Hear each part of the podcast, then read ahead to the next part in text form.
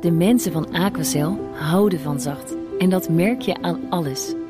Dankzij hen hebben we nu echt zacht water en een kalkvrij huis. Voor hun klanten zijn ze zacht. Dat zijn ze trouwens ook voor elkaar. Voor ons zijn zij de kracht van zacht. Aquacel. 100% zacht water, 100% kalkvrij. In het als een bosbrand om zich heen slaande antisemitisme heb je soorten en maten. Je hebt de primitieve soort, waarin de Joden, bijvoorbeeld in Rotterdam of Brussel, de schuld krijgen van het drama van de oorlog tussen Israël en Hamas. Je hebt de politieke soort, waarin Joden medeplichtig worden gehouden voor de strapatsen van Bibi Netanyahu. Je hebt de traditionele soort, waarin Joden worden afgeschilderd als de moordenaars van Jezus, de verspreiders van de pest of de loesje eigenaren van de media en de banken.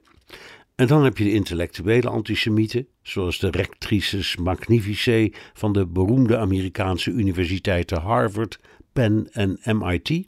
Die waren opgeroepen voor een hoorzitting in het congres over antisemitisme op hun beroemde instituten. Net als op veel andere Amerikaanse universiteiten zijn daar voortdurend felle pro-Palestijnse demonstraties. Dat mag, zeker in het land met waarschijnlijk de ruimste opvatting van het begrip vrijheid van meningsuiting ter wereld. De vraag was of de demonstranten ook als intimidatie mogen scanderen intifada tegen de Joden of genocide op de Joden. Claudine Gay van Harvard, Liz Margill van Penn en Sally Kornbloed van MIT kregen die vraag voorgelegd door Elise Stefanik, republikeins lid van het Huis van Afgevaardigden, die zich als een roofdier op haar slachtoffers stortte. Haar vraag was simpel: verbiedt het reglement van uw universiteit de roep om genocide van Joden? Ze eiste een simpel ja of nee. In plaats daarvan luidde het antwoord dat het van de context afhing. Wat de context kan zijn voor het gedogen van een oproep tot massamoord maakte ze niet duidelijk. Liz Magill werd door haar bestuur gedwongen ontslag te nemen. Sally Kornbloed bleef aan. Claudine Gay bood omstandige excuses aan. Behalve academische ambities en het ontwikkelen van eigen inzichten, heeft een universiteit de plicht erop toe te zien dat de studenten zich veilig voelen. Dat is sinds 7 oktober voorbij. Het pleit niet voor de kennis en nieuwsgierigheid van de demonstrerende studenten, maar hun frame is dat de Israëliërs die barbaarse massaslachting en ontvoering aan zichzelf te wijten hebben.